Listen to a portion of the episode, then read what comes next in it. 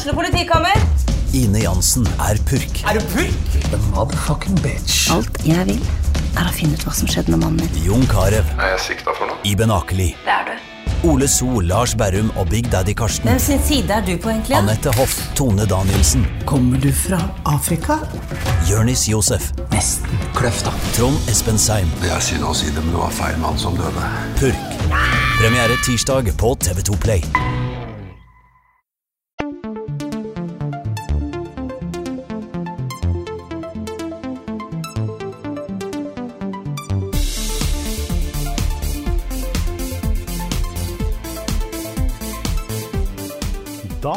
Har vi gleden av å annonsere et helt nytt mål på Patreon. Hvis du støtter oss med mer enn 10 dollar i måneden, så vil vi sende deg en minnepenn med et innslag fra sesong 1 eller 2 av Level Up. Men du er nødt til å sende det tilbake i løpet av den første måneden, sånn at vi kan sende deg et nytt innslag. Det er litt viktig, og dette er en sånn veldig sånn clever, morsom satire på Nintendos nye online-løsning. Ja, det var det jeg prøvde på der. Jeg Jeg tok den. Du tok den? Jeg tok den, det, ja. også. Det er veldig tidlig på morgenen, så jeg er ikke så veldig god på sånn satire ennå. Men selv om du nå har sagt at det er satire, du vet at det er 10 000 mennesker som kommer til å uh, spørre hvor det blir av minnepennen Mm. deres. Ja, og det er jo da det som er skummelt med å si noe som helst på internett, fordi uh, sånt skjer. Ja. Uh, Carl bare tulla, vi skal ikke Jeg sende bare- ut minnepenner. Vi skal ikke sende ut minnepenner. Vi setter Så- fortsatt pris på at folk er på Patreon. Mm, ja, det gjør vi. Er det Det- det gjør vi. Du får mye annet gøy for 10 dollar i måneden. Du gjør det. Ganske mye, Ja. faktisk. Men Ja. velkommen til en helt ny episode av Level Backup. Med meg, Karl Martin Oksnes, med Rune Fjell Olsen og med Lars Håkon Storm Bakken. Hallo. Hallo! Hvordan føler vi oss i dag? Nei, det er ganske bra. Ja. Mm. Jeg begynte å hoste igjen, liksom. Ja, det er så Hvor lenge skal jeg være sjuk, liksom? Nei, du, det er sånn her vandrende smitte... Ja, smittebule. du. Ja, virkelig, altså. Unger og greier. Mm. Du må ha sånn biohazard-greier på deg. Det eneste som mangler nå, er at det bryter ut uh, brennkopper hos meg også. Ja. Så ja. Eh, det du viste til i introen var jo eh, eh, praksisen til eh, den nye online-servicen til eh, Switch. Ja, der får du en eh, Du får et valgfritt spill, visstnok. Hvis det er valgfritt. Nei, det er ikke valgfritt. Du får ett Nes eller SNES-spill. Det blir valgt ut liksom månedens eh, spill. Ja, ok, så det er Etter sånn jeg har forstått det. enda dårligere. Ja. dårligere. Eh, og det kan du spille da den ene måneden det er gratis. Ja. Og bare det. Ingenting Ja, for du får det jo ikke. Du bare du abonnerer på et spill som er over 20 år gammelt. Mm. Du ab abonnerer på en rom av et spill, Ja. egentlig. Nettopp. Som du får lov å emulere på Switch. Mm. Det er ganske dårlig. Ja, det er ganske dårlig. Vi snakka om det i forrige episode av podkasten også, og da, da spekulerte vi at det kunne være tilfellet, men vi trodde jo ikke det Nei, Vi trodde jo ikke det var mulig. for det er jo et, det er et par hakk under konkurrentene på, eh, når det kommer til tilbud på online-tjenester. Mm. Det var en ganske stor del av meg som eh, mistenkte at det var sånn, fordi eh, Nintendo er jo mestere i å selge gamle spill om igjen. Um, og det finnes jo sikkert folk som har kjøpt det samme spillet både fem og seks og sju og ti ganger på forskjellige plattformer og virtual console og osv. osv. Minines og Ja, mm. så um, det er en ganske stor inntektskilde for Nintendo, tror jeg. Det er nok det. Mm. De vil ikke ta bort den, Nei. De vil heller bare bruke den igjen og igjen. ikke sant? Så du kan, hvis du har kjøpt det ti ganger, så nå kan du kjøpe det for ellevte gang. Mm. Denne gangen på en Nintendo Swatch. Ja. Ja.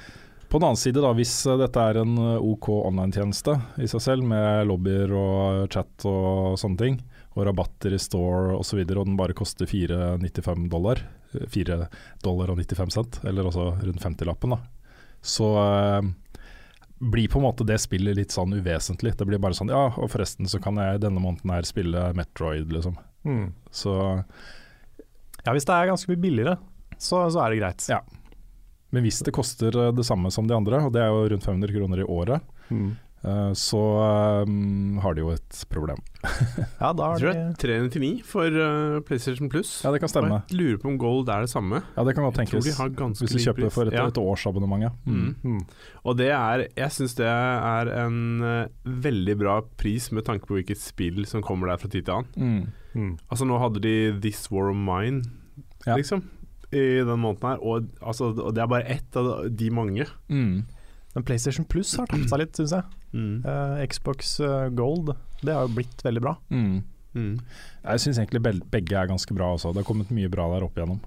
Ja, ja. jeg syns det var bedre på PlayStation før. Ja, det kan Da fikk du litt mer av de store, Mm. veldig, veldig bra toppspillene. Ja. ja, for det gikk da kanskje et halvt år tilbake, plukka et, eh, et stort spill som Mm. er bra, har fått gode anmeldelser og folk liker. Og så gjorde de jo noe genialtrekk. Altså de, når um, Rocket League kom, Mm. så var jo det gratis på PlayStation. Ja. Pl altså pluss. Mm. Det er ganske sånn um, Ja, Nice. det er spesielt og kult. Og det er jo et spill som har blitt veldig stort. Ja. Så mm. Ja, kjempestort. 25 millioner eh, spillere runda de nå eh, denne uka her. Ja. Eh, er på ett og et halvt år. Ja, det er ganske Ja, det bra. er helt. Og de har jo crossplay også, som Mm. fungerer på alle plattformer nå. Så Ja.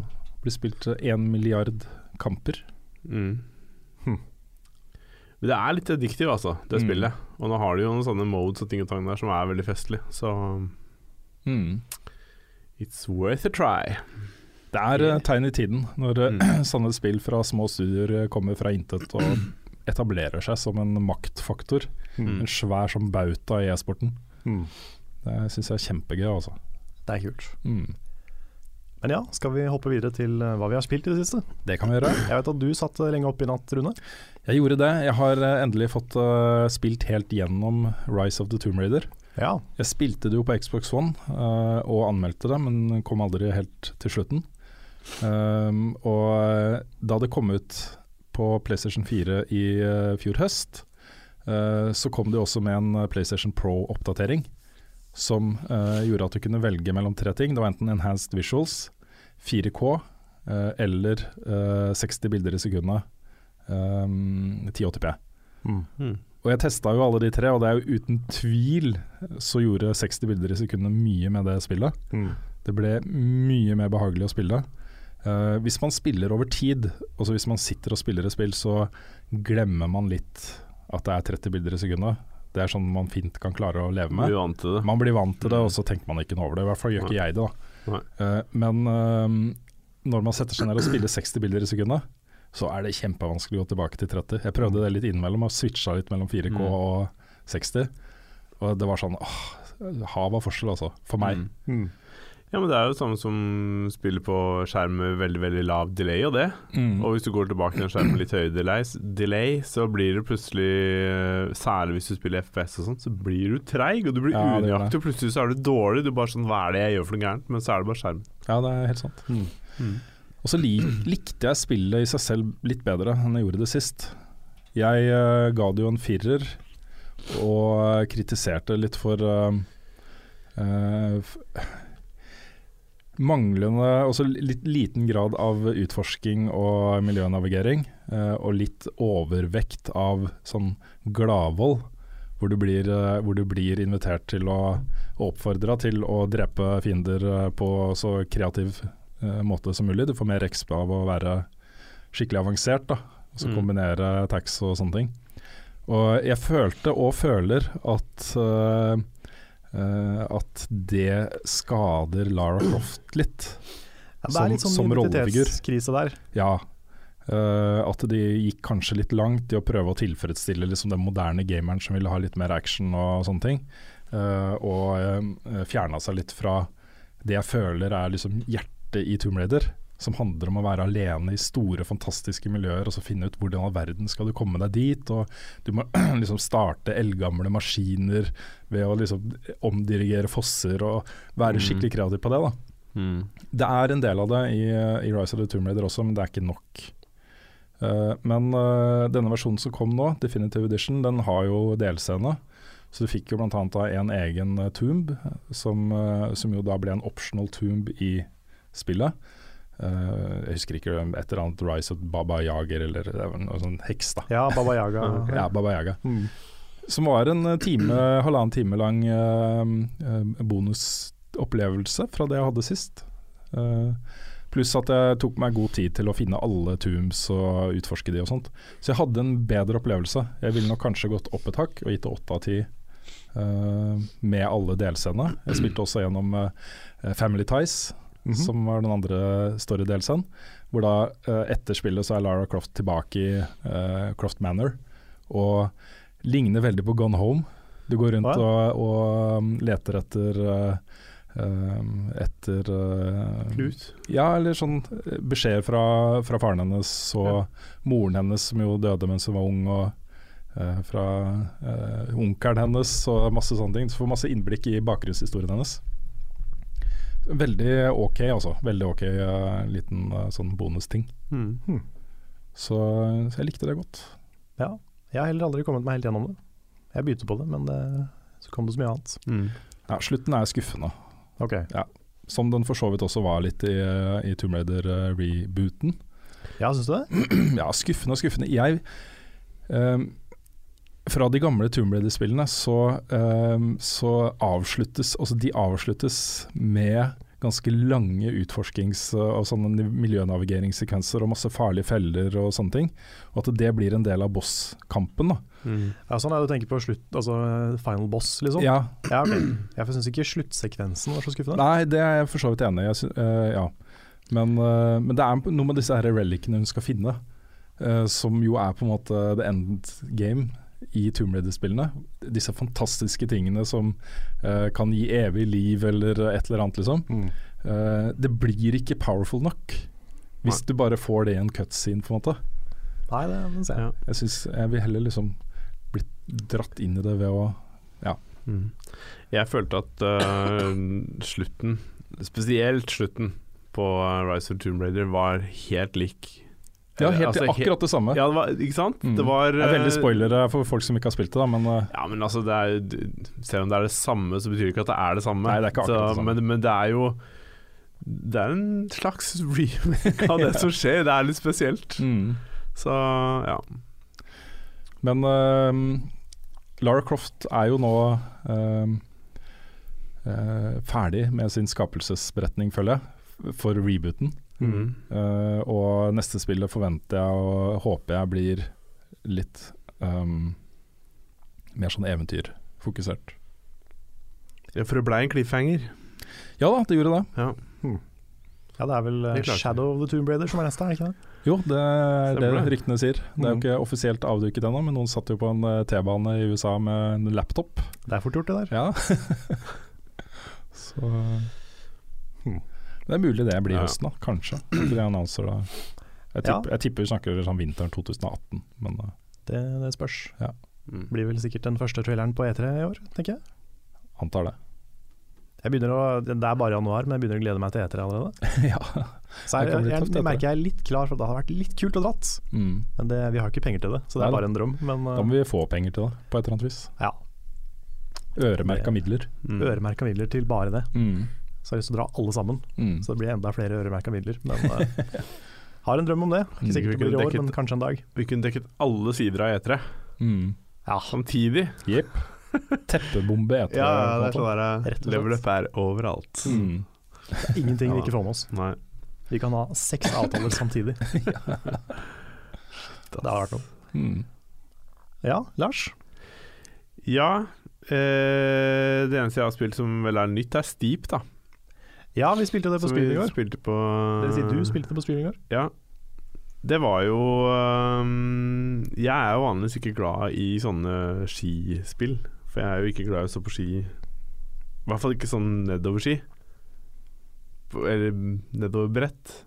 Ja, Mm. altså det som også heter snowboard og slalåm. Ja. Ja. uh, men ehm, det, er, det ser jo veldig fantastisk ut. Og det som skjedde etter streamen, var at jeg spilte det videre sammen med David. Og da fikk jeg liksom litt mer sånn tips og hint, og litt mer sånn der, Og da gjorde vi ting som ble mye mer spektakulært. Mm. Og som føltes mer fantastisk. Altså, vi, vi fløy liksom veldig sånne lange slopes i uh, sånn wingsuit.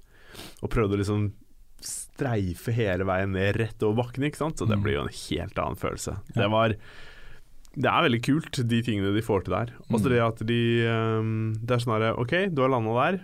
Begynner å kjøre videre, og så feiler du. Trykker trekant, så starter du der du har landa. Hver gang du eh, ender opp på et nytt sted, så, så blir det lagra et punkt Mm. og som gjør at du liksom kan fortsette derfra. Og det er veldig kult. Mm. Så den åpne verden-tingen de har der i disse fjellene, er uh, veldig enkel å navigere og overraskende bra. Mm. Så Du fikk jo litt mer dreisen på det etter hvert. Ja da. I starten så var det mye sånn faceplanting og Ja, det, det har jeg, fikk jeg høre at det Den var noe alle gjorde, på en Ja, måte. Men den wingsuiten er jo fantastisk. Når du liksom bare Du står klar, Ja. skal hoppe utfor stupet, og så Ja. bare detter du på trynet ned i snøen rett ved siden av deg istedenfor å hoppe, liksom. Det ser så funny ut. Det er dritbra. Ja, det er, det er faktisk utrolig eh, morsomt det de har eh, fått til der. Altså, det er, jeg vet ikke om de har gjort det med sånn- vilje. Med en sånn subtil Mm. Det er sånn, skikkelig, ja. mm. Men jeg, jeg, det var jo et par bugs underveis også. Jeg vet ikke om Ja, det du sto er fast i eh, bygninger og Ja, sto fast litt her og der, og så skulle starte et mission, så hang jeg i den der snora, og istedenfor å begynne å starte, så bare datt jeg ned på bakken. Mm. Så, og, og det gjentok og gjentok seg. Jeg, så det er litt sånn Ja, litt sånn småting, Mm. men det er kanskje det man skal forvente fra Ubisoft. Kanskje. Det er liksom en del av pakka, føler jeg. Mm. Det er litt Ubisoft å ha sånne morsomme Ja. Så Nei, men det var veldig kult. Og så var det som jeg så for meg, at eh, det å spille det sammen med noen, og ha noen å prate med, og spille med og gjør ting in game med, gjør jo forskjell, da. Mm. Det gjør jo det i alle spill. Ja. Og det, det var veldig kult. Så vi satt vel i en halvannen time til, tenker jeg, Mm. og spilte. Og det var um, Det er jo litt visjonen til det spillet, er det ikke det? At man skal liksom spille det nesten som et sånn sports-MMO. Hvor du skal ja. bare kjøre rundt og Ja. finne på ting. Jeg tror, eh, i hvert fall det jeg vet om spillet, så er det ganske mye mer morsomt å spille sammen med noen du kjenner. Mm. Ja, og så får du muligheten til å oppgradere alle mulige ting. Du kan pimpe liksom klærne dine, skoene dine, skia dine, fallskjermen din osv. osv. Så, så du får jo kan jo sette et eh, personlig preg på det. Um, noe av det kosta sånne in game-penger som du tjener deg opp etter hvert. Så jeg, jeg fikk ikke sjekka ut det, men jeg håper ikke at det er noen sånn mikrotransaksjoner på det. Det tror jeg ikke det er. Ikke hørt noe om det. Men, um, men det var ting som liksom kosta mer sånne penger etter hvert. Men jeg regner med at du får det ettersom du leveler, da. Mm. Så kan du få tak i de kulere tingene til slutt, liksom. Det er sikkert litt Så- scaling på det. Etter at du var ferdig med Rise of the Tomb Raider også, så oppdaga jeg at det er en egen shop i menyen. Det hadde jeg ikke lagt Ja. merke til før. Stemmer det. Um, og der får du jo Der hadde jeg jo fått sikkert eh, 15-20 sånne pakker med Mm. kort gratis gjennom å bare spille spillet. Eh, man kunne også kjøpe pakker da, opp til uh, ja, tror jeg 100 lapp eller to for den med flest kort og mest Ja. sjeldne kort. Ja. Uh, og Det de kortene gjør, er jo en egen modus som jeg ikke har tenkt til å prøve meg på. Men det er jo at du spiller de forskjellige brettene i forskjellige sånne challenge-moduser. Hvor du skal gjøre, gjøre så infected og masse sånne ting. Mm. Jeg tror ikke jeg ikke kommer til å prøve meg på det. Nei. Det er ikke så interessant. Nei, jeg har ikke testa det, det sjøl, men jeg har sett det og tenkt at det er jo kult. Og det var mye variasjon der. Veldig, veldig mye variasjon. Så um, Fra liksom survivalist, hvor du Mm. ikke får eh, helse, du må bandasjere sårene dine, og eh, det å spise små dyr blir du bare mer sulten av. Sånne ting, liksom. Mm. At du fryser mer, og at du For hver dag som går, så blir du kaldere og kaldere. ja, Så ja. masse sånne ting, da. ja. Uh, ja, det er veldig kult. så du kan tweake hele spillopplevelsen uh, ganske mye. Så jeg, jeg syns jo det er kult, men det er ikke det jeg vil ha i et Tomb Raider-spill, personlig. Nei. Nei. Så, men, eh, men Steep er Det er bra, altså. De som liker sånne type Hva skal jeg si Nå har jeg aldri testa SSX, jeg vet ikke hvordan det egentlig er i forhold. Men jeg tenker at dette her er eh, Når du begynner å mestre det og får litt frihetsfølelse, og du kan begynne å trikse litt mer, og du får liksom feeling med figuren Veldig kult, altså. Mm. Så ja. Og det går jo Jeg fant jo ut at jeg hadde jo en sånn Jeg hadde den hjelpegreia på som gjorde at når han gjør triks og sånn, så er det mer safe. Det er sånn hvis jeg slipper stikka inn en visst øyeblikk, så, så vil han lande på beina. Og hvis du kjører mellom trær, så er det sånn Hvis ikke du pusher stikka framover og skaper masse fart, så vil han, selv om han er inni treet, så vil han prøve å bounce rundt i, da. Mm. Så det Ja. Det tenker jeg du kan øke litt vanskelighetsgrad på etter hvert, når du øh, blir god, da. Hvis du vil. Så ja. SSX er jo mye mer eh, løssluppent. Ja, og veldig over the top. Ja. Det er litt sånn, jeg føler det er litt sånn snowboard møter Overwatch. Mm. Spesielt SSX Tricky. Ja. For der har du de figurene som er veldig sånn karikerte og veldig, har veldig mye personlighet. da. Ja. Og de har sånne små uh, riv rivalerier mellom hverandre. Mm. Og du kan liksom slå de mens du kjører nedover. ja. Det er kjempemorsomt. Kult. Apropos Overwatch, det har jeg begynt å spille en god del igjen. Og fra å være har vært eh, konstant healer, så har jeg begynt å spille litt mer tank nå. Og spesielt Diva. Hun er jo gameren i eh, Overwatch-gruppa. Hun har jo fått en egen sånn um, emote som er legendary. Hun er vel den eneste som har en legendary emote, hvor hun da setter seg ned, og det kommer opp en skjerm foran henne. Hun sitter der og gamer og spiser Dorito og drikker uh, energidrikker, liksom. Veldig kult. Um, Det er ikke Mountain Dew hun drikker. Nei, det vet jeg ikke. Det står vel egentlig Divas et eller annet på den Dorito-pakka, okay. og hva det står Ja, på den andre, det vet jeg ikke. Det er men, sikkert, uh, sikkert en referanse til Dorito som Mountain Dew. Ja. Ja, det er nok. Um, men uh, Det spillet, altså. Det er uh, Det er bare litt synd at jeg har en litt, litt, litt sånn snever gruppe å spille med på PlayStation 4. Jeg skjønner at de fleste vil spille dette her på PC, men uh, fordi at uh, man skal være så pro. Nei, jeg vet ikke. Nei, men det er, eh, det, er, det er så gøy, og det er så gøy å kjøre disse um, competitive matchene. Og, og ranke seg og prøve å nå et nivå, bli bedre og få dynamikk med gruppa di og hele den pakka der. Åh, fantastisk. Mm. Elsker uh, sånn type gaming. Mm. Ja, jeg har ikke spilt så mye nytt egentlig siden forrige uke. Jeg har sittet og klippet veldig mye. Spilt. Så det er, eh, jeg har ikke spilt så mye i det siste, Nei. men jeg har uh, klippet masse. Og Du har klippet masse, ja. Det var det Ja. jeg. Hosta akkurat da du sa det, så jeg fikk det ikke med meg. Ja, riktig. Nei, jeg har, jeg har jo klippet en ny film i tull, så det har jeg jo spilt, da. Wolfenstein. Mm. Jeg trenger ikke å snakke så mye om det, siden vi har en egen, egen spalte til det. Mm. Men um, jeg har jobba med et innslag om uh, topp ti spill eh, som vi spilte inn på mandag. Mandag. Og litt diverse. Kommer et drittspillinnslag, det er kanskje ute nå når dere hører dette her. Ja. Så uh, det har vært mest klipping på meg denne uka her, egentlig. Mm. Men, uh, men det og Wolfenstein, da. Men Ja. håret har du ikke klippet. Håret har jeg ikke klippet, det er på tide snart, for nå kjenner jeg at det, er, det begynner å bli Jeg får sånn palmehår etter hvert. Palmehår? Ja, det blir sånn der Å ja. Det blir veldig svært. Ja, ok, jeg må- for da tenkte jeg sånn liksom, Jeg så på meg liksom palme, og så begynner den å bli veldig stor, så bare henger det litt sånn ned Ja, og utover. Det er, det, det er ikke helt sånn uh, holdt på å si noen afro-tendenser, men Nei, det, nei. det blir ganske svært, da, så jeg må Ja. klippe meg ganske ofte.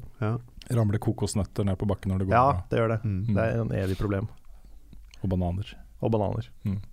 Så um, jeg må nå klippe meg snart. Det begynner å bli litt sånn hockey. Og det, Ja. ja. Nei, Sweet. Men uh, det er stort sett det det har gått i. Altså. Mm. Nå venter jeg egentlig først og fremst på å få Kingdom Hearts 2,8. Skal bare fyre i gang med det. Ja. Det er jeg ganske klar for nå, kjenner jeg. Ja, for det lanseres vel på tirsdag. Ja. Og så kommer vel Resident Evil eh, nå, på fredag? Gjør det ikke det? Eller er det neste uke, det også? Er ikke det 24. eller noe sånt? Ja, ok, så det er eh, tirsdag, det også. Ja, mulig det. Mm. Nå, dem, Jeg skal ta oss og google det før vi går videre til neste spalte, bare sånn at vi ikke sitter der. Yes. Jeg må få sendt uh, VR-headsetet mitt til uh, Svendsen. Altså. Ja, det må du gjøre. 24. januar. 24. januar. ja. Mm. Ja. Mm. ja, det er på tirsdag. Det er tirsdag. Da vet jeg hva jeg skal gjøre neste uke. Yeah.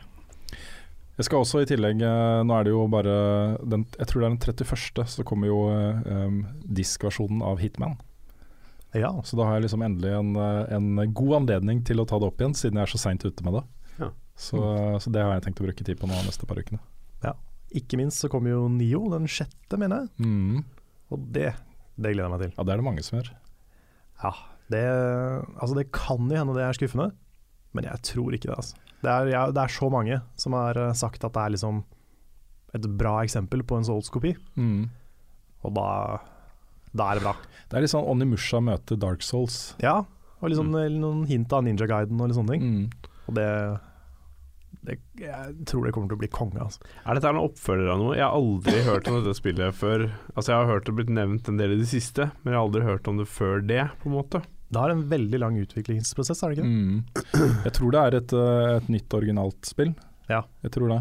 Det er også en, eh, den tredje, tror jeg, gratis eh, trialen er nå i helgen. Stemmer. Så hvis noen har lyst til å teste det ut, så kan de gjøre det på sin foretrukne plattform, etter tror jeg har forstått. Ja. Det er visstnok vanskeligere enn Dark Souls, da. Mm, ok. Så det er, eh, det, det er det eneste som bekymrer meg litt, fordi det er så mange sånne Dark Souls-kopier, det er ikke så mange av de, men de som fins, de tror liksom at de kan bare gjøre det vanskelig for å være vanskelig. Mm. Men det skal veldig mye til å bruke sånn, den type vanskelighetsgrad riktig. Ja. Og det er det Souls nailer.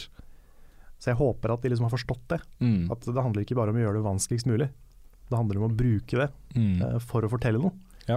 Og for å liksom leve For å dra deg inn i spillet. Mm. Gjøre deg kjent med verden og sånne ting. Og eh, hvis det blir for vanskelig, så er det jo ikke gøy. Så den balansen er litt viktig. Altså. Mm. Så jeg håper de har, håper de har liksom forstått det. Ja, hvis det er bra, så får jeg teste det. Yeah, Mm. Det blir nok en stream etter hvert. Antar det. Det kan bli en uh, intens stream. Men eh, nei, vi får se. Jeg, jeg, jeg er veldig, veldig klar for det spillet.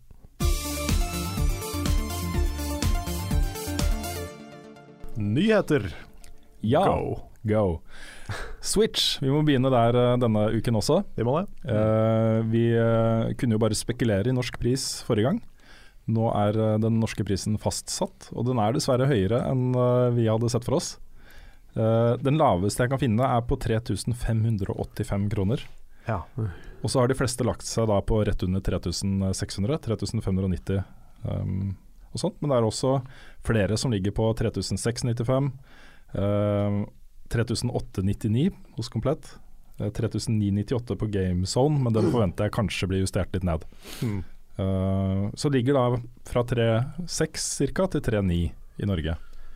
Det er dyrt, altså. Sånn, altså. Det er ikke dyrt for en ny konsoll, men det er dyrt for den. Jeg syns det, altså. Ja, Det er liksom 299 dollar. Mm. Det skal ganske mye til å liksom heve det til over, over 3500 norske kroner. jeg syns det er litt sånn vanskelig når det skal koste litt sånn like mye som PlayStation 4. Det er, det er ikke meninga å sammenligne de sånn direkte, men jeg føler på en måte at Kanskje man kan justify den når man prøver noe, så er det liksom bare Oh shit, dette er noe vi virkelig har Mm. mm. mangla og trengt. Og så viser det seg at uh, den er totally worth it, men um, ja. Ja, jeg tipper jo, jeg tipper jo at uh, dette, altså den prisen, er en konsekvens av at ingen norske butikker foreløpig har valgt å selge den med tap. Øhm, jeg tipper at vi uh, det nok kommer såpass få konsoller til lansering at uh, man kan rettferdiggjøre det. Ja, det er nok litt sånn eBay-tankegang. Nå, det. det er veldig få av de, så vi bare Mm. selger de dyrt og tjener masse penger. Ja, masse penger kommer de ikke til å tjene uansett, fordi det kommer ikke så innmari mange konsoller. Eh, og jeg tror også vi snakka om det her om dagen, at uh, de nok kommer til å tjene mer penger på tilleggsutstyr, og det kommer jeg straks tilbake til. Eh, for der har det også begynt å komme litt priser. Men, men jeg forventer i hvert fall at når andre bølgen kommer av konsoller, så vil enkelte av de store kjedene selge med tap. Da Mm. snakker vi nok priser ned i 3000, mot 3000 kroner. Ja. Tipper det kommer komme en del 2999. Ja, i hvert fall til høsten. Mm. Uh, til til høsten, eh, opp mot jul, uh, vil nok mange selge den til rett under 3000. Det er jeg ganske sikker på. Men eh, de fleste vil jo da velge også å kjøpe en ekstra Joycon-kontroller. Prisen på den vil ligge på rundt 900 kroner. 849 var den billigste jeg fant. Mm. Og da får, du, da får du begge to med skjermen, ikke sant? Nei, du får bare kontrolleren. Ja, du får ikke med, skjermen. skjermen? Nei, Nei, nå tenkte jeg, nå tenkte jeg feil. Nei, selvfølgelig, du får jo ikke for det er konsollen. Det er konsollen. Ja, selvfølgelig. Det er- det en liten brain fart. Men ja, du får selvfølgelig med kontrollen. Du får med de to kontrollene, ja. Ja. Um, pluss da uh, sånn eh, docking til den, sånn at du kan holde den som en håndkontroller Ja. uten at den er kobla til noe. Riktig.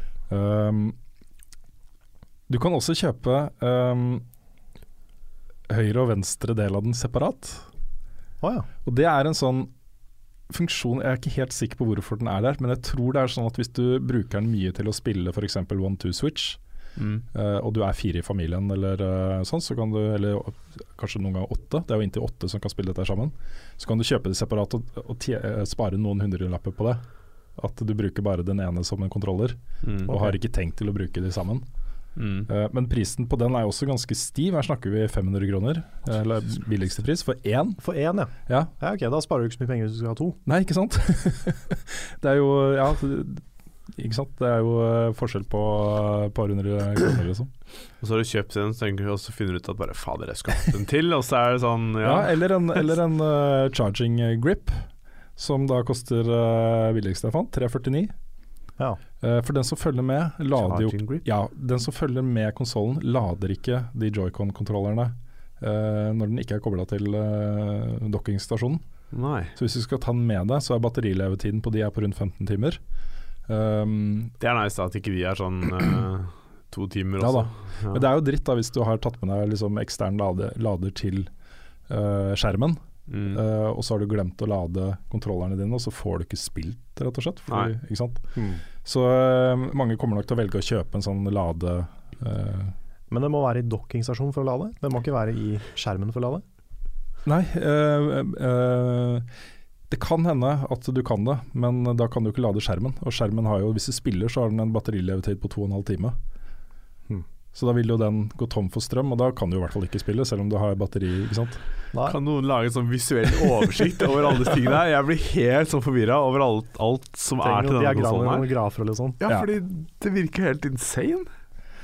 Uh, og den siste tingen er, og dette her kommer vi til å få pepper for, for det er alltid noen som finner billigere pris uh, på de. Okay. Men micro SD XC-kort uh, Vi hadde en liten diskusjon om det, om at 128 um, var eh, maks per nå, men at det kan økes. Jeg tror kanskje det vil være mulig med 256 også, men de er ganske dyre, de kortene. Mm. Ja. uh, men mange kommer nok i hvert fall til å velge å kjøpe et, eh, et uh, 128 gigabytes kort og bytte ut det 32 gigabytes kortet som er i konsollen. Billigste jeg fant, og jeg har ikke søkt lenge, men det ligger da rett under 400 kroner Ja. for et sånt kort. Det er jo litt sånn Litt sånn minnekort i gamle dager. Ja. PlayStation 2-minnekort liksom, kosta Mm. rundt det. Ja da. Og den prisen kommer nok til å gå ned. Uh, og du kommer nok til å se ganske billige 128 GB-kort utover året, tror jeg. Mm. Uh, og i hvert fall sånn 64 GB og sånt, en hundrings eller eh, 150 eller noe sånt. Um, Mm. Men um, til sammen da, så er jo en reell kostnad for en sånn konsoll for de fleste, vil jeg tro. Hvis du skal spille flere enn to stykker på den, uh, vil jo bikke 4000 og vel så det. Kanskje opp mot fem Mm. uh, hvis du skal kjøpe ja. Ja. Den uh, Pro-kontrolleren koster for øvrig også ja, 645 var det billigste jeg fant. De fleste Men den følger med, ikke sant? Ikke Pro-kontrolleren. Ikke det? Nei, bare den ene følger med. Det er bare én joycon som følger med konsollen.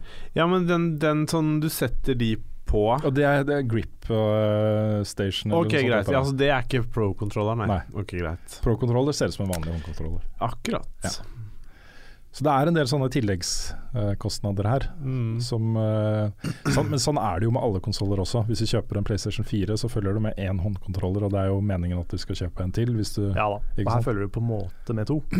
På en måte så gjør du Ikke det. 100 men Ja. nesten. Det er mange spill vil du jo holde med den ene som følger med. Mm. For du kan splitte den opp. Det kan du. Men jeg syns det er eh, Jeg ble jo veldig positivt overraska over prisen da den ble annonsa på pressekonferansen til Nintendo. Nå er jeg ikke fullt så imponert lenger. Nei. Den eh, begynner å nærme seg det som er en normal uh, konsollansering, hvor du ikke Mm. kan si at pris er et salgsargument lenger. Nei, sant. Ja, jeg får se hvordan dette går. Jeg kommer til å være sånn der OK, er du ferdig med Selda, Carl? Kan jeg låne den? Du kan sikkert det. For, for det er liksom det eneste jeg liksom tenker at jeg vil spille og prøve per nå. Vi får se hvordan det blir, da. Det kan hende at dette her tar helt av. Du kan jo, hvis du vil, så kan du jo låne Wii U-en min mens jeg spiller det. Så kan du spille Ja. på Wii U. Ja. Mm. Å ja, kan man det? Ja da. Ja, det kommer på Wii U òg. Ja, det gjør det. Ja, fordi jeg så en sånn comparison-video med grafikken, Mm. og det var ganske stor forskjell på Switch og Wii U. Selv om dette her er cartoony og tegna, Ja da. på en måte, så var det veldig sånn mye mer detaljer og Altså Wii U-versjonen er 720P. Uh, Switch-versjonen er 900P. Ja, Ja. og begge er 30 frames. ja, men uansett så var det mer detaljer og sånn i, um, Ja. i det. Det, var, det føltes ut som en sånn Wii U-versjon så rett og slett litt kjip ut. Så Mm. ja. Ja, Jeg har uh, forhåndskjøpt både Switch og Collectors Edition av Zelda. Så ja. ja. Nice. det, jeg, jeg bare måtte. Det er helt greit. Ja, vi må, vi må få tak i noen flere switcher, altså. Ja, jeg, jeg forhåndskjøpte den rett og slett fordi vi trenger i hvert fall to. Ja. Eh, og regner med at vi får låne en fra Bergsala. Håper det. Um, og da har vi i hvert fall to. Mm. Så den er ikke ment å være til meg, selv om, um, selv om jeg kjøper den. Det kan hende at uh, noen andre låner den innimellom. Mm. Ja, vi får se. Ja. Uh, neste nyhet. Det var jo en uh, Nintendo Direct-pressekonferanse i, eh, på onsdag kveld mens vi satt og streama. Stemmer. Hvor den var dedikert til Fire Emblem, som jo var et av de spillene de ikke snakka om på Switch-pressekonferansen. Og der kommer det nå hele fire nye Fire Emblem-spill. Du har Ja, eller fire, det blir vel egentlig tre, men den ene kommer til to plattformer. Ok. Eh, du har eh, Det første som kommer ut, er Fire Emblem Heroes, eh, som jo er det andre store mobilspillet som Nintendo lanseres. Ja, lanserer. direkte fra Nintendo. Ja, og det lanseres altså Super Mario Run kommer først til iOS, og så kommer det senere til Android. Her er det omvendt. Den kommer til Android 2.2, og så kommer den senere en eller annen gang til iPhone. Ja. Mm. Um, det ble også annonsa en remake av uh, det siste Famicom uh, Fire Emblem-spillet, som het Fire Emblem Guiden. Uh, og det kom bare ut i Japan, derfor det sier Famicom og ikke NES. Hmm. Hmm. Eh, det kommer eh, en remake av den på 3DS i mai, og det heter Fire Emblem Echoes Shadows of Valencia. Ja. Hmm. Shadows of the Tomb Raider. Eh, men den store nyheten var jo da Fire Emblem Warriors, eh, som kommer til Switch og New 3DS. Bare den nyeste versjonen, ikke Mm. kompatibelt med de tidligere versjonene av 3DS. Jeg syns det er litt kult at de tar Dynasty Warriors og gjør det om til eh, først nå Zelda, og så Mm. Fire Emblem. Ja, for det er jo, det er jo Omega Force som lager dette her også, Mm. som jo står bak Dynasty Warriors og Hyrule Warriors. Ja. Jeg har ikke spilt så mye Dynasty Warriors, men Hyrule Warriors likte jeg veldig godt. ja, det husker jeg du gjorde. Som en sånn fast food, lett Litt sånn derre billig nesten greie, men det var gøy, da. Ja. Det var sånn hjerneløst moro. Mm. Så jeg- jeg Ganske dypt, ikke sant? Du kunne grave deg ganske dypt ned i det. Ja, det kan du. Ja. Det er jo, hvis du vil, så er det 300 timer med content i det spillet. Mm. Det er mye grinding, men eh, selv om ikke det er så Det er, det er ikke så mye dybde i selve gameplayet, Nei. men det er, det er jo gøy. Mm. Det er kjempegøy. Mye å gjøre hvis du vil. Var det Veldig, veldig mye å gjøre hvis du vil. Så det er hjerneløs, dyp moro. Ja. Ja. Nei, ikke, ikke dyp moro, men det er, det er moro. Mm. Ja. Jeg håper litt på sånn Final Fantasy Warriors jeg nå. At det skal komme noen sånne andre kule lisensierte versjoner av det. Ja, det skal du ikke se bort fra. Warriors, ja. Nei, det er ikke sikkert. Huh. Siste nyhetssak. Uh, Gabe Newell, som uh, nylig også havna på listen over uh, verdens rikeste menn. Um, Eller var det USAs rikeste menn? Det husker jeg ikke. Kom på 120.-plass eller noe sånt der, i Forbes. Ja. Um, har hatt en AMA, en Ask Me Anything, på Reddit. Mm. Hvor han med veldig få ord uh, bekrefta at Valve jobber med et nytt singleplayerspill lagt til Half-Life eller Portal-universet. Altså og eller Portal-universet. Det er jo samme univers. Ja. Men um, det var eh, spørsmålet da um, om eh, de da jobber på any fully fledged single player games. Så svarte han yes. Ja. uh, og så fikk han senere spørsmål. Um, er det noen sjanse for en new IP, uh, et nytt spill, som uh, foregår i Half-Life eller Portal-universet? Og så svarte han jepp. og på et annet spørsmål så, uh, så fikk han eh, noen spørsmål om VR. Så det de spekulerer i er at det er et nytt VR-spill lagt til av Portal Half-Life-universet. ja, riktig. Det er ikke Half-Life 3, Nei. tror jeg. det, er, det er ikke helt utelukka at det er det han snakker om, men Nei. eh, mest sannsynlig ikke. Han sa vel også i den uh, e-mailen at han At det ikke var Half-Life han var mest stolt av at han hadde laga. Ok. Fordi han var, så, han var så personlig involvert i det. Mm. Og derfor så ser han så mye av det han måtte ofre Ja, mens han lagde de spilla. Så jeg synes det var litt interessant. Mm. At han, er mer, han var mye mer gira på Portal sjøl, Ja. fordi han var mindre involvert. Ja, det var jo et konsept som ikke ble utvikla av eh, Valve. Det var et lite indie-studio som lagde prototypen til Portal. Ja, dette her var Portal 2 da, som han snakka om. Ja, nettopp. Mm. Ja, for Ja. Portal 1 var, er jo det mest eh, grensesprengende av de to. Som introduserte liksom Det, det kan du si. portalmekanikken og puzzle-mekanikken. Mm. Så er jo Portal 2 et fantastisk spill, det også, Ja, selvfølgelig. for meg så er det det beste. Ja da. Jeg vet ikke. Jeg holder en uh, knapp på Portal 1 eh, rett og slett fordi det var først. mm. Uh, og fordi jeg også likte godt den der tighte At det, dette var to-tre timer eh, med supertight gameplay og en veldig kul twist mot slutten. Mm. Eh, eller hvor ting også twist og twist. Du kunne jo se den komme, for så vidt. Men jeg likte måten de, de uh, fucka med spillerne på. Um, jeg syns toeren også var kjempebra, men, uh, men da var jo på en måte allerede den twisten avslørt, på en måte. Mm. Ja. ja, det jeg likte med toeren, var at det var så, det var så sånn Det bygde ut universet så mye, Mm. og spesielt figurene. Ja. Sånn eh, Glados fikk mer dybde, og Mm. Wheatley var en ganske morsom ny figur, og Cave Johnson var helt amazing. Ja, ja. Så nei, jeg likte liksom figurgalleriet mm. i Porto Portal 2 veldig, veldig godt. Ja. Det er bra spill, altså. Ja, Herregud. det er uh, noe av det beste of all time. Ja. Jeg har en uh, nyhet, jeg òg. Ja, Hvis jeg kan få slenge den inn. Det er lov. Uh, fordi Niklas har bursdag. Det har han. Eh, så jeg skal bare si gratulerer med dagen, Nick. Gratulerer med dagen, Niklas. Det var da i går, for dere som hører på på podkasten. Yes, torsdag. Ja, torsdag. Mm. Så um, jeg er litt spent på Jeg har litt lyst til å være sånn her Skal vi se hvor lang tid det tar før Niklas innser at vi har gratulert han i denne her, hvis han hører på podkasten. Nei da, men det kan bli morsomt. Mm. Mm. Hvor gammel er han ble da? Var det eh, 16? 16, ja. Mm. Ja, Ja. antagelig. Um, Nei, nå er du slem. Ja, nå er jeg slem. Ja. Det er bare fordi han er yngst av oss, Ja, ikke sant. Sans. Men han er, han er jo har den, Er det 20 han blir nå? jeg, jeg tror det er eh, 20. Ja. Det står ingenting på, 20 eller 21? på Facebooken hans. Ja, det er 20 eller 21, Ja, 20 eller 21. Mm. Men det betyr at broren hans også har bursdag. Herregud. Eh, Har de bursdag på samme dag? Ja, de er jo tvillinger.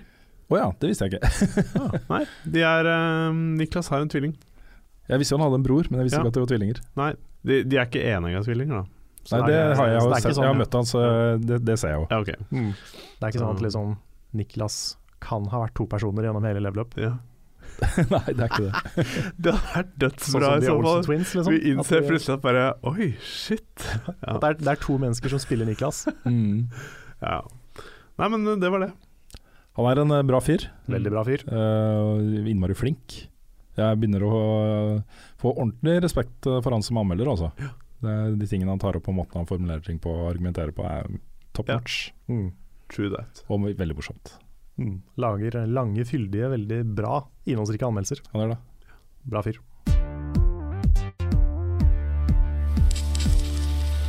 Vi har kommet til spørsmål- og svarspalten.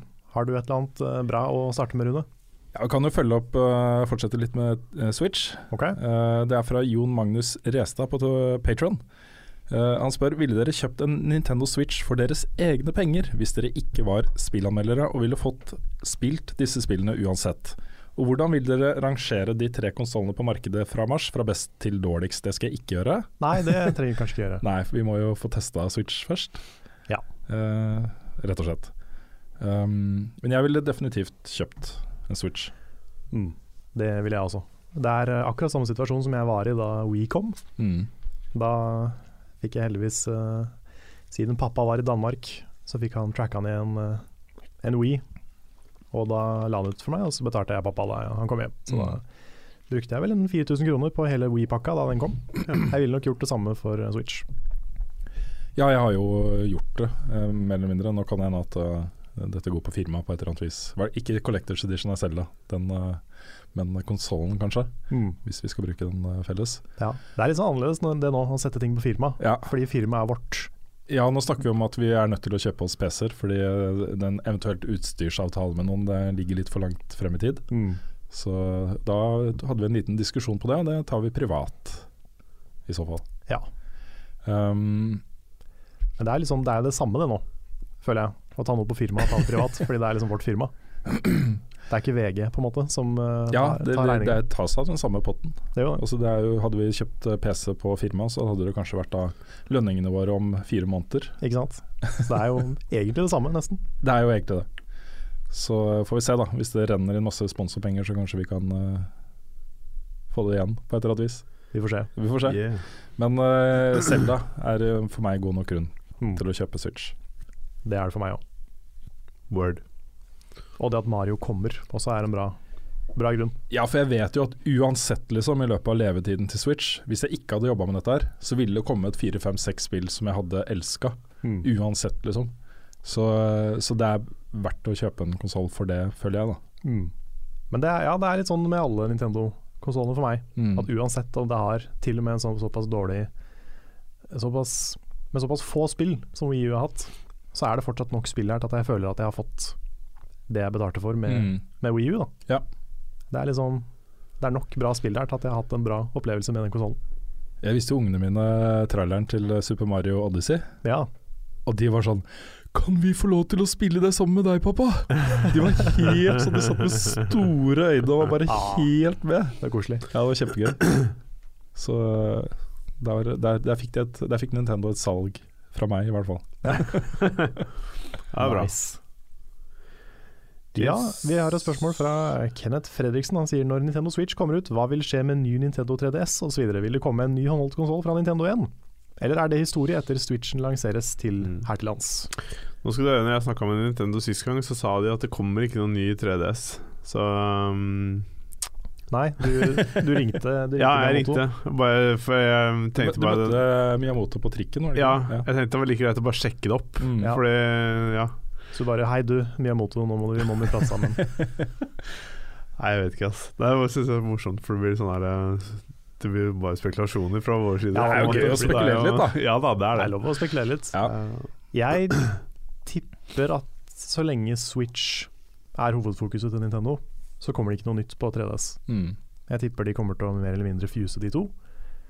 Um, de har vel De har sagt at de kommer til å fortsette å gi ut spill på 3DS. Mm. Det, Og tror jeg, tror jeg på. Det gjør de sikkert, Mm. Men jeg vet ikke hvor lenge. Nei, eh, hvis Switch blir en suksess, og mange velger å ikke konvertere til, fra 3DS til Switch, mm. så kommer de til å fortsatt støtte det. For de har jo en kjempestor installed base. Mange mennesker som eier en 3DS, og som bruker den aktivt og kjøper spill til den.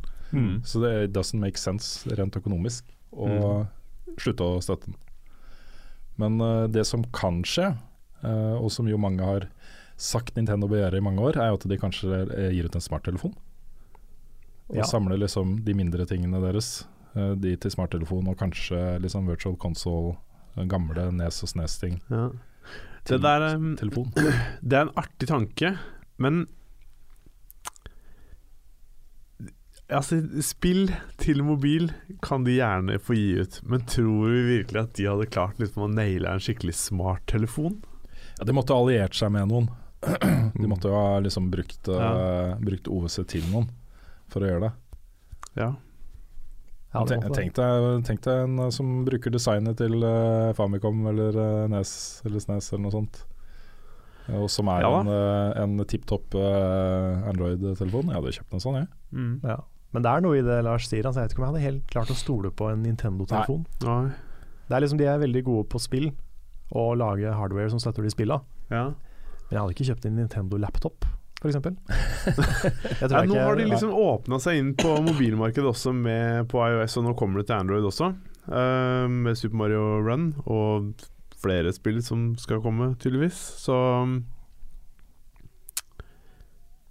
Ja. Jeg Mm. føler på en måte at det er, er nok, kanskje. Ja da. Um, det, som, eh, det som er eh, grunnen til at jeg nevner det, og grunnen til at det Mhm. også kanskje de fortsetter med å lage håndholdt etter hvert, eh, det er jo um, Hvis ikke de når alle de de kan nå med Switch, at det er et marked der ute som eh, de mister, eller som eh, eh, dør, da, fordi Mm. de ikke gir ut flere håndholdte konsoller. Mm. Så, ehm, så er jo det en økonomisk Mm. betraktning òg, ikke sant. Ja. Hvis folk har lyst på en håndholdt konsoll fra Nintendo, Ja. det står millioner av mennesker og skriker etter det, så ja, de viser jo at det håndholdte er på en måte framtida òg. Fordi eh, Bare se på PC-salget, hvor mye det har gått ned og sånn. Eh, fordi er det, Vet du at det har gått ned? og- Eller? Ja, det var Ja. 6, jeg leste en artikkel her. 6 eller et eller annet. eh, Mm. det hadde gått ned mm, Ja, åh, jeg husker ikke nøyaktig, eh, nøyaktig tallet, men det var noe rundt det. Og det var tydelig tegn på at liksom PC-salget gikk nedover. Men jeg tror hvis du går litt bak de tallene så Nå, nå snakker jeg bærbar, da. Sorry, Ja, jeg mener ikke stasjonære spill-PC-er. Det var sto ikke noe tall på. Men, Det er fordi jeg um, tror salget av spill-PC-er har gått opp, men at det totale salget av både stasjonære og, og laptoper har gått ned. Ja, det tror jeg også. Men det er fordi veldig mange nå har flytta liksom sitt normale daglige PC-bruk over på mobilen og eh, Ja, tableten, ikke sant. Det er akkurat det, ikke sant. Mm. At det er der folk er, og der er det jo en haug med folk å treffe med spillmuligheter. Mm. Og det er jo ja. Det er en konsoll nesten alle har. Mm. Alle er å ta i, men Mm. Ja. Mm. Ja, samtidig så jeg vet jeg liksom ikke hvor mange av de som er interessert i å bruke masse, masse penger på spill. Um, jeg, jeg tror også Dette er Jeg vet ikke, jeg kan ikke bygge opp det med fakta. Men men jeg, jeg har en mistanke om at, at salget av stasjonær-PC-er går ganske bra. Mm. Uh, og at det er der du får liksom de skikkelig gode spillopplevelsene. I hvert fall at det går ganske stabilt. Ja. Jeg, tror ikke, jeg tror ikke det er mindre behov for kraftige gamer-PC-er nå enn det var. Nei, og så er det jo blitt ganske billig. Du kan 6000-7000, så får du en uh, fullt kapabel eh, spill-PC. Ja, det gjør det. Det er sant. Ja. Jeg hadde um, et spørsmål fra James Remo Walker som lurer på hva er, det, hva er det dere gleder dere mest til med det nye Selda? Spille det. Nei, nei. Nå skal vi slenge på Markus Thodesen Halden sitt av hvilken versjon av Selda har du tenkt å kjøpe. Det sa jo du da, hva ja, du hadde kjøpt. Switch. Ja, det blir Switch.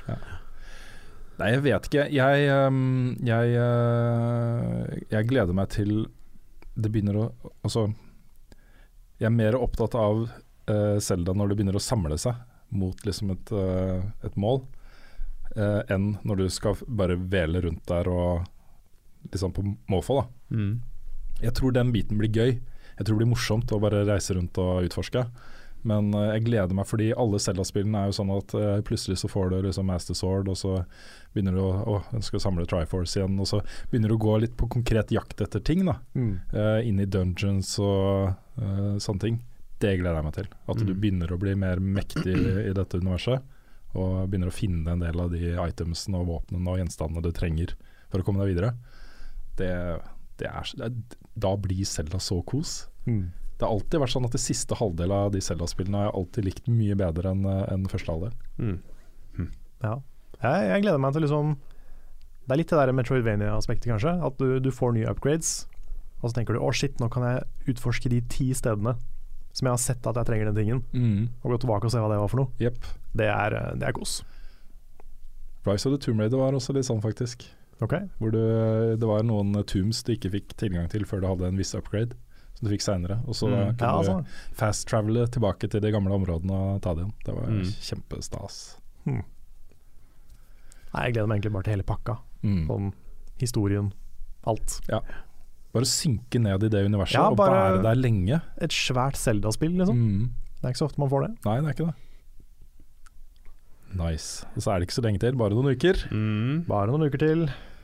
Jeg har et eh, spørsmål her fra Mats Østreng Veland på Patron.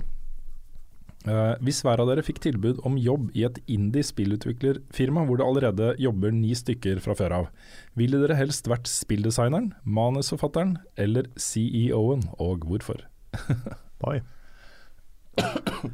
Hvem, eh, hvem vil begynne? Jeg måtte ha vært CEO-en. Jeg, har, jeg føler ikke jeg har noen egenskaper i de, på de andre to. Hvis jeg måtte ta en av de, så måtte jeg vært CEO. Fordi jeg kan ikke spilldesign.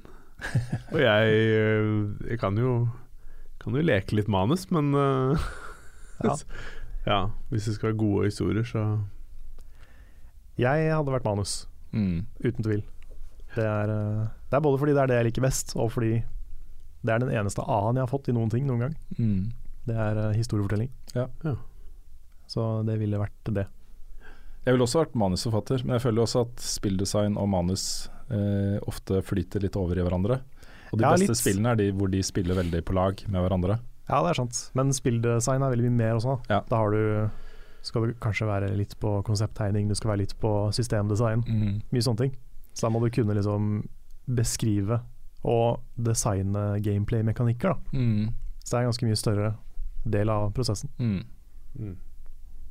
Nei, jeg tror nok uh, egentlig alle vi tre kunne ha hatt uh, noe å bidra med på, på manus, også på hva slags type opplevelse som kan være litt fet, da.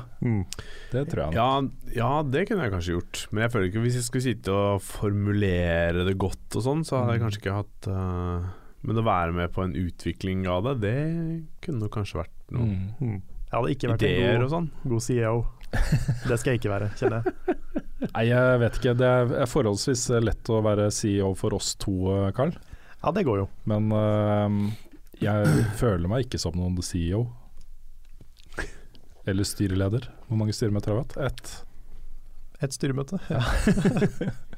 Jeg vet ikke, Er det meningen at vi må ha flere? Er det ikke noe jeg, det Det er, vel, er ikke det sånn er på når man skal ta store beslutninger og sånn? Ja, Vi har ikke tatt så mange store beslutninger ennå, kanskje. Da er det som kommer. Mm. Vi har et spørsmål fra Kristoffer Gettoboys Hansen Leistad her. Undertale har jeg hørt at skal være et av tidenes spill, har jeg skjønt på bl.a. Carl.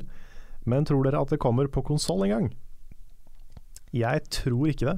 Eh, Det er fordi Toby Fox er bare én fyr, og han har laga det i GameMaker. Så um, jeg tror det skal litt til å porte det til noe annet. Mm. Men det burde jo være teoretisk mulig på Xbox One, som jo er liksom Windows og Kanskje. Kanskje. Men jeg vet ikke om han har eh, prioritert det. Nei. Men uh, i hvert fall også er det et spill du kan spille på nesten alle PC-er. mm. Det krever veldig lite av maskinen din. Så bare finn en PC, så får du spilt det. Mm. Det skal ikke så mye til. Tar et eh, spørsmål fra Gaute på Patron. Eh, jakten etter trofeer og prestasjoner, er den der? Har det noen gang vært der? Er det bare meg, eller gir det litt eh, tilfredsstillelse? Jeg tror han skulle si litt lite tilfredsstillelse, men hvor mye legger dere i 100% og betyr det eh, noe for dere om dere sitter igjen med en lav score på et spill dere eh, koser dere med? Betyr ikke så mye for meg. Nei. Men det er noen spill jeg har lyst til å ha alle trofeene på. Men er ikke det først når du begynner å liksom, ha spilt det så lenge at du begynner å snuse på Oi, jeg kan jo få 100% av det spillet her. Mm. Jo, kanskje. Men det er liksom noen spill jeg uh, Ja Jeg, jeg veit ikke, jeg. Noen spill prøver jeg å gå det etterpå. Jeg gjorde det alltid på Uncharted-spillene, f.eks. Um, um, The Last of Us har jeg prøvd, men jeg sliter litt med noen av de. Så um, Det er litt både òg. Mm. For for noen spill så får jeg veldig mange av de underveis når man spiller. Og hvis jeg da ser at Oi shit, her mangler det bare noen få, sånn som i The Witness, så mangler jeg bare den derre challenge-greia på slutten. Å ja, ja, Den har jeg ikke gjort ennå. Dovregubbens hall. Mm. Ja, den, var, den er gøy når du får til den, altså. ja. Så den, eh, den har jeg jo veldig lyst til å gjøre, Mm. men um, det er jo litt kult å ha, liksom bare vise at ja, jeg har liksom fullført noen spill. Mm. Og, det var, eh, så har det litt å si, for jeg ble Jeg, jeg spilte COD en gang i tida, og så starta jeg eh, Jeg husker ikke hvilket COD-spill det var, men jeg starta det på en annen konto enn originalkontoen min. Og så, etter langt inn i, inn i COD-året, så bytta jeg konto. Og så spilte jeg online, og så var jeg sånn level 1 eller 2. Og så eide jeg et par folk. Og så fikk jeg en melding som bare Yes, starting a new account. Ja, men Det var Eh, derfor du starta ny, ikke sant? fordi du hadde juksa og blitt tatt for det? Nei. Nei, men det var, jeg gikk jo tilbake til originalkontoen min, Ok. og så sier han liksom bare yeah, 'Starting a new account', bla, bla. Så jeg bare Så sa jeg bare 'Gå og sjekk trophyene mine', liksom. Og så gikk han og sjekka, og så bare Oh. Ok. da innså han at liksom At uh, jeg bare var god. Men du var badass, Mm. liksom? Ja, Mm. ja jeg, jeg jobba litt for å få platinum i Bloodborne. Det gjorde jeg.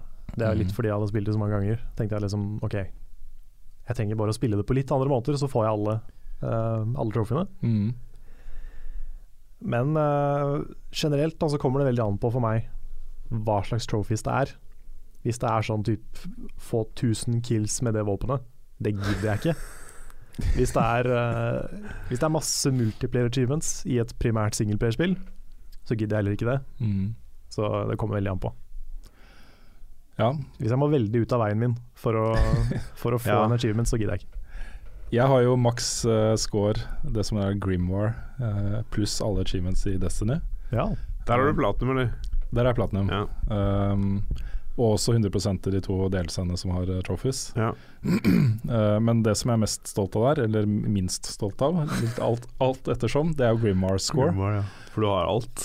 Absolutt alt. Maks Wow. Grimwar score. Og da må man gjøre sånne ting som å drepe er det 500 hunters i Crucible. Uh, drepe 5000 i PVE med alle Mm. våpentyper. ja. Men er det noe du har gjort med vilje? Ja, men da var jeg oppe på et visst punkt, ikke sant. Ja, fordi hvis det skjer lang- naturlig, så er jo det én ting. Jeg hadde spilt et år jeg, før jeg begynte å se på Grimar Scorman. Mm. Uh, og da så jeg at ja, jeg har jo drept 4000 med sidearm. Ikke sidearm, med sniper, kanskje. Ja. Uh, så, men da fikk jeg jo et problem, da, fordi da sidearm var jo et våpen, en våpentype jeg ikke hadde brukt nesten i det hele tatt. Jeg hadde 40 kills med det eller noe sånt. Mm. Hvis jeg skulle da få det Grimma-kortet og de poengene som følger med det, så måtte jeg gå ut da og drepe 5000 med sidearm. Wow. Ja, det hadde jeg ikke giddet, kjenner jeg. Skulle, skulle til å si at ja, det var en veldig lang kveld den gangen jeg satt der og ble bare drept av eh, Rune for å gi oh, ja, men det var, ikke, det var ikke i PVP, det var i PVE da. 5500 var oh, ja, ok, Ja. ja. Det der- var bare tull uansett, da. Ja, men altså Om det var 500 Men der er det jo noen altså Det å få Max Grimar er ikke, altså det er ikke de 5000 kills Guardians, med våpen og sånt som jeg er opptatt av der. Men det betyr f.eks. at jeg har 100 wins i Rumble, som er alle mot alle. Um, det betyr at jeg har uh, fått uh, uh, Ja, jeg har 100 wins i alle Crucible. Og så en del av de er ganske vanskelige. Mm. Så jeg er litt stolt av den, og så har det jo tatt mye tid, da. Mye av det er ganske meningsløst. Drepe 100 Hydros og Jeg syns det er litt sånn dårlig achievement design. For, altså, Er det? det? Det, er greit i Destiny, for der er det meningen at du skal spille lenge. Ikke sant? Og Da er det ikke utenkelig at du får såpass mange kills etter hvert.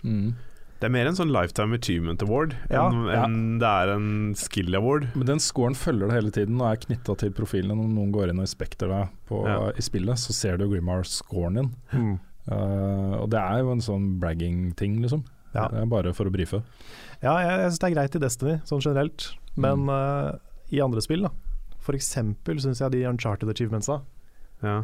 var ganske kjipe. ja, det var noen av de som var det. og det er mange spill som er sånn. Mm. At det er sånn her, ja, Vi får finne på noen achievements som bare Ja, 5000 kills med et våpen du aldri bruker. Ja. Skal folk liksom Ja. grinde seg opp mot det? Mm. Det er jo ikke gøy. Det er ikke givende å gjøre det. Nei det er bare for å få en sånn liten ting. Mm. Det burde vært, det burde vært liksom knytta til en challenge, da, noe som faktisk var Ja, konkret. jeg liker veldig godt sånn der eh, når du skal, eh, du skal gjøre det levelet uten å bli oppdaga, sånn og sånn, eller du skal klare det på den og den tiden, eller sånne ting. For det er Mm. mer enn en sånn skikkelig challenge som er en litt mer skill-basert, da. Ja, og Da får du liksom en grunn til å spille spillet på en annen måte. Ikke Ja. Mm. Og så da, da har du kanskje grinda det brettet 20 ganger for å få det til, men når du sitter, så er det sånn yeah, ja, Mm. ja. Jeg har et par eksempler fra nyere er tid på hvordan jeg normalt sett behandler uh, trophies og achievements. Uh, Dishonored 2, som jeg er ikke i nærheten av maks, uh, maks på trophies der. Jeg, ikke, jeg, har ikke, jeg kommer heller ikke til å prøve å få platinum. Men der er det to uh, trophies som jeg hadde veldig lyst på. Det ene var det å komme seg helt til slutten uten å bli oppdaga. Og det andre var å komme seg helt til slutten uten å drepe noen. Og det gir meg mye, å Ja. få de to. Det er sånn som jeg poster på sosiale medier at dette har jeg fått til, liksom. Mm. Det er kult. Men det er jo en skill-basert eh, Mm. trophy, Ja. Mm. som viser at liksom bare Hei, jeg har klart noe som kanskje veldig få i det spillet har klart. Mm. Ikke sant? Mm.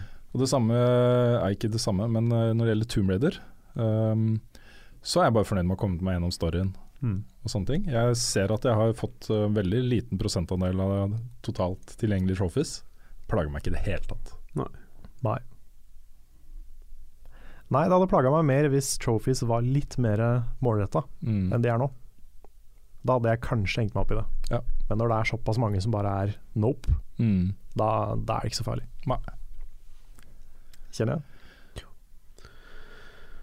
Ok. Um, ja. Dette var et ganske kjapt spørsmål, som han sier sjøl. Mats Nyhus lurer på eh, om han har aldri spilt Bloodborne eller Souls, og hvilket spill bør jeg starte med? Det var egentlig til Carl Martin, da. Ja, Bloodborne.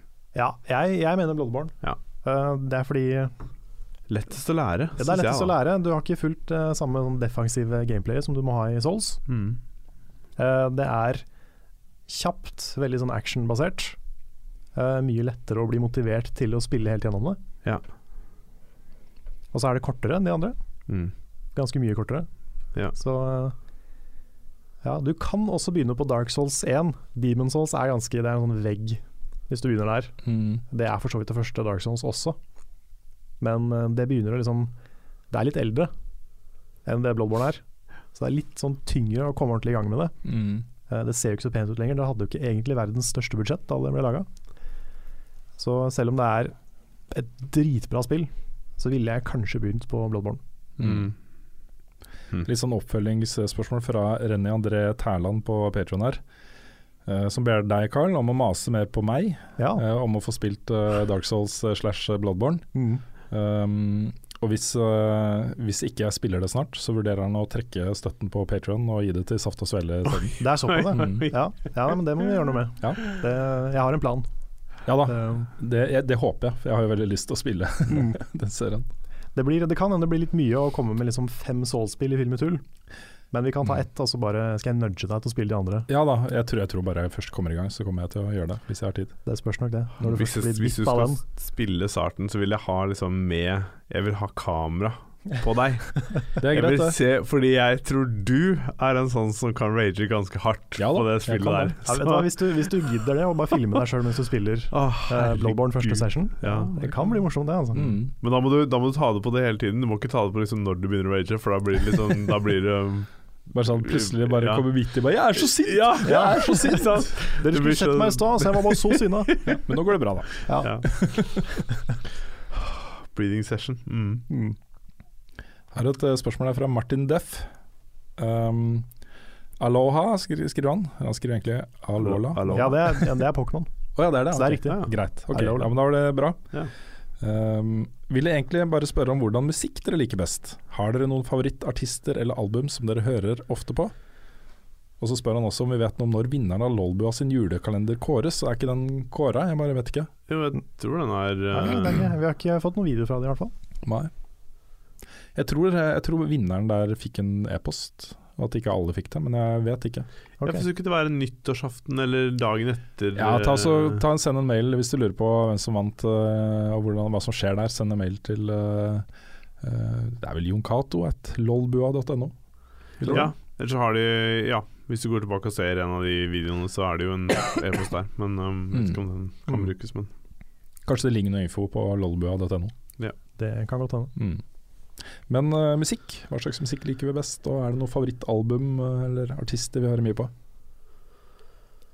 um, Ja, jeg får svare det, svare det samme som jeg alltid svarer, at jeg hører mye på soundtrack-musikk. Ja. Filmmusikk og spillmusikk og sånn. Det er liksom det som fyller telefonen min. Mm. Jeg er enig. Uh, jeg har mye av det sjæl òg, men uh, utover det så lener jeg veldig mot elektronikamusikk, da. Mm.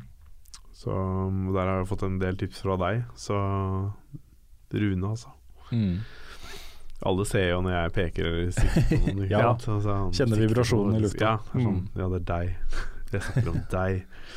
Uh, ja. Nei, men det er um, Og jeg digger den, den den der daglige miksen, eller den Er det weekly, eller hva det heter, på Spotify. Mm. Hvor den plukker ut musikk som du ikke har hørt før, men som ligner eller er liksom sjanger som du allerede, allerede hører på. Der finner jeg mye Mm. morsomt Ja. fra Titan. Nei, jeg, jeg hører på veldig mye forskjellig musikk, og veldig lite soundtrack-musikk, egentlig. Um, I det siste har jeg hørt veldig mye på Kent. og Det er fordi uh, jeg var på avskjedskonserten deres uh, i Spektrum. Og var litt sånn skuffa fordi de spilte så mye nytt som jeg ikke hadde brukt så mye tid på. Fordi uh, jeg hoppa litt av Kent for noen år siden. Så de siste to-tre albumene har jeg ikke hørt så mye på. Hmm. Um, det er mye bra der også, har jeg funnet ut senere. Da. Men uh, Spotify har da lagd en Kent spilleliste Okay. hvor de har plukka ting fra hele karrieren deres. Uh, og der er det så mye bra. De lager så fantastisk mye bra låter, Mm. og mye bra tekster. Mm. Eh, Belle, La Belle Époque, f.eks., som er et sånn tverrsnitt av sosialdemokratiet sosialdemokrati i Skandinavia eh, anno 2016-17. Fantastisk. Kjempelåt. Mm. Så det har jeg hørt mye på. Uh, og så har jeg også hørt en del på Uh, Asbjørn Slettmark har lagd en sånn uh, beste rockelåtene i 2016 spilleliste på Spotify. Der også er det veldig mye fett. Hm. Uh, jeg hører fortsatt mye på Moderat, som er et av de bandene jeg har tipsa deg om, Uh, Ja, Lars. jeg har sjekka ut de. Det er mye bra der, altså. Ja, kjempebra. Mm. Og så øh, hører jeg mye på uh, På siste til Gojira fortsatt, som er kjempebra.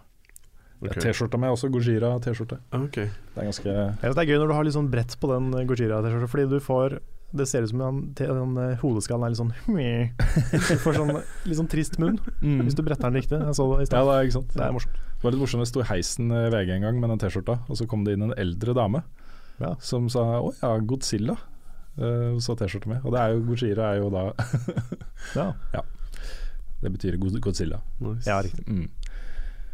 Så det er variert. Bred, bred musikksmak. Jeg så nå at Pixies kommer til øya. Da fikk jeg plutselig lyst til å dra, fordi jeg har aldri sett live. Mm. Ja, jeg har et spørsmål hvis ikke dere har noe dere vil eh, Kjør på. Det er fra Kristoffer Lien. Han sier Syns det er på tide at dere skryter av hverandre. Hvilken anmeldelse syns dere er den beste anmeldelsen dere har gjort? Dvs. Si den beste Rune-anmeldelsen osv. Hmm. Skal, vi ta- skal vi ta Rune først? Oi. Ja, at vi skal finne hans ja, uh, ja. Runes beste anmeldelse. ja. Jeg syns kanskje en av de jeg syns var aller best, var eh, faktisk The Witness Ok. i begynnelsen av året. Hmm. For den uh, traff liksom veldig det jeg følte om The Witness. Og uh, Inside, selvfølgelig. Så det var veldig bra. Last Guardian var, jeg var veldig, veldig fin. Ja. Ja, fordi jeg um, i, I forhold til The Last Guardian, så er ehm, Om ikke annet, så i hvert fall starten og den sammenligningen som du hadde med barna dine og den pakka der, den var helt fantastisk. I slow-mo hele den pakka som bare viste når du fortalte det du fortalte der, var helt eh, det, var, det var så slående eller treffende og, og bra, altså. Så det, ja. Det, Agreed. Takk, takk. Det, det syns jeg i hvert fall. Mm. Ja. Ja. Så Jeg tror vi kan gå litt kjappere. Ja, jeg vet jeg vet alle sammen. er noe, ja. Nei, Jeg bare satt og tenkte om det er, liksom, er det noen andre jeg husker godt som jeg Ja. Nei. Da Carl, da. Ja. Mm. Um, du har lagd veldig mye bra videoer i år. Kanskje dine beste sånn rent innholdsmessig. Takk for det. Uh, men jeg tror kanskje jeg må tilbake til eh, Tony Hawk-videoen din. Ja, Tony Hawk 2. Ja. Ja. Som eh, klassikeren. klassikeren, ja. Ja. Som eh, Den er litt sånn der legemgjørelse av alt vi står for i eh, denne redaksjonen her. Og litt sånn Så mange som kjenner seg igjen i det, inkludert meg selv. Og veldig, veldig personlig. Jeg Mm. Ja, den er personlig. Den er, litt fryktelig, sånn, glad i, frykt, fryktelig glad i den videoen, altså. den er litt sånn origin story, Ja. føler jeg. Mm. Den er det. Men ja, nei, men det Carl the Origin. Et eller annet. Ja. ja. Carl Begins. Mm. Så var det kjempemorsomt. Jeg visste jo eh, Jeg har jo sett eh, Pokémon GO-anmeldelsene flere ganger. Og her om dagen så viste jeg den til ungene. Og de elska den, da. Og de ville gjerne Ja. se mer av Kristine. Oh, ja. Kan jeg få se mer av Kristine? Kan jeg se- Hun var så morsom og så streng og kjefta på Carl. Ja, ja. Det er litt gøy, hun har fått den rollen, du. Litt sånn der, som er litt sånn streng med meg. Mm. Mm. Det, er ikke, det er ikke fullt så sånn i virkeligheten, men det er litt gøy å tulle med det. ja, men den, den, er, den er bra, den, altså. Mm. Good. Jeg hadde det gøy med å lage den. Ja. Og Final Fantasy var jo bra. Ja, Final Fantasy var kjempebra. Det, det sa jeg til deg også, da du uh, viste oss den i chatten mm. på Facebook. Mm. Um, jeg syns nok det er den beste anmeldelsen i rent sånn hvordan den er bygd opp og, og uh, manuset på den og hvordan den er klippet sammen. Jeg likte den kjempegodt. Good pacing.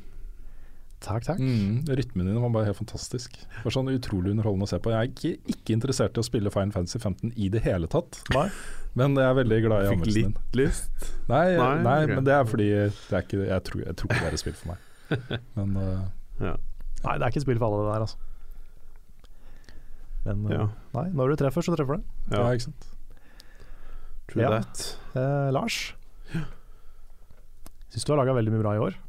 Ja, og så syns jeg den uh, Level Up uh, Ja, det vil si i fjor. Ja, ja. Okay. Jeg synes den Level Up-spalten din mm. Det er så digg å se deg begynne å liksom eie den helt. Og Ja.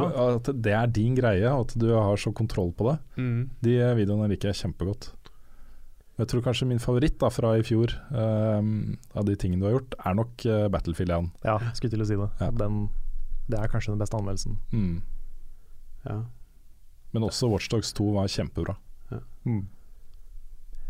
Fikk mye kjeft fra den Battlefield 1-greia. Gjorde det? Følte det var så mye spoiler i uh, greia der. Jeg syns ikke det var det. Var ikke det bare starten, da? Ja, det var, det var helt, helt starten. Det var det. Men det er sånn Jeg tenkte det var Ja. Det er alltid Altså, folk har forskjellig terskel på spoilere. Mm. Ja, det var som jeg sa, det var noen som sa til meg når jeg skulle se Star Wars-filmer, så er det sånn du må, ikke, du må ikke lese den introteksten på Star Wars fordi det er, fordi det er spoiler. det er sånn Ja, du kan ikke se filmen, for da blir du spoila på hva som Ja. skjer i filmen. Det er sånn Det er, what? da, altså, da, må- sorry, ass, men da er du litt blåst. Ja. Så da, har du gått, da har det gått for langt. Det begynner å gå litt langt da, ja. Ja. Mm. Altså, jeg er ikke noe glad i spoilers sjøl, men så lenge det liksom ikke Så lenge det skjer i de første fem minuttene, liksom, Mm. eller hvis det ikke er store vendinger som blir avslørt på forhånd, så har det ikke så mye å si. Ja, men Det spørs jo litt da hvis du tar Du kan jo, kan jo ikke spoile starten på eh, Last of Us f.eks. Nei, det er sant, for det, det, det er jo Ja, det er sant. Mm. Kommer litt an på. Men det også er en vending, da. En Ja. sånn ganske Mm. Mm. plutselig vending. Ja. Så så lenge det liksom holdes unna, så Mm. Ja, så det var, liksom, det var noe med stemningen og følelsen. Det beskrev hvordan det var der. Men så skal vi ikke gå tilbake og dvele så mye ved det. Men eh, ja. Nei, men takk. Jeg vil også nevne at jeg vil gjerne se mer Nik Niklas. ja. Ja, Det er, da er du funny også, sammen med Nick. Ja, det er en utrolig bra sånn kombo. Ja. Skal vi ta de tre Um, andre mens vi er her, eller? Ja. Skulle skulle vi ta det òg? Det kan vi gjerne gjøre. Ja, begynne med Begynne med Frida. Det kan vi, kan vi gjøre. Jeg syns den anmeldelsen hennes av Det er egentlig to som jeg syns har vært øh, ekstra bra. Det er eh, Paper Mario og Owlboy. Mm, enig. Hun er uh, Frida er dritflink. Ja, kjempeflink. Fryktelig glad i Alboy, anmeldelsen hennes. Mm. Uh, min favoritt der, altså. Hun naila i hvert fall mine følelser om det Mm. spillet. Så mm. Nei, jeg syns, uh, altså, jeg syns alle, og hele gjengen er, har blitt så sykt flinke. Ja, det har det. Men eh, mm. Nei, Frida er dritproff og bare får fram ting på en så bra måte og, Mm. i det hele tatt. Ja. Lager kjempefine innslag. Gjør det. mm. På Det er Nick så digg å se. Mm. Nick så eh, Kanskje Street Fighter 5 synes jeg var veldig Den var, den var kjempebra. ja, det var veldig, veldig morsom. ja, det var morsom. Det er sant. Og jo, Darkest Dungeon. Mm. Det er kanskje favorittinnslaget mitt fra Nick akkurat nå. Ja. Det syns jeg var så bra. Måten han bygde opp det på, med liksom han hadde laga level up i det spillet. Og Mm. det var konge. Ja, det var dødsbra. Jeg, eh, min favoritt er nok um, klassikeren av, av Red Dead Redemption. Ja. Um, den var bare Det var så tyngde i den, samtidig som den var eh, utrolig morsom. Mm. Uh, ja, den var veldig sånn klassisk nikk. Mm. Mm. Sant, det. Altså. Og så syns jeg det er fett at han tar disse her, eh, litt eh, rare japanske tingene. Anime-baserte ja. Det er, det Han er en autoritet på det. Han er det. Mm. Nei, det er, bra, det er bra han liksom tok tak i Attack on Titan og Mm. Dragon Ball og Gravity Rush 2 og mm. Ja, Gravity Rush er en serie jeg kanskje vurderer å plukke opp.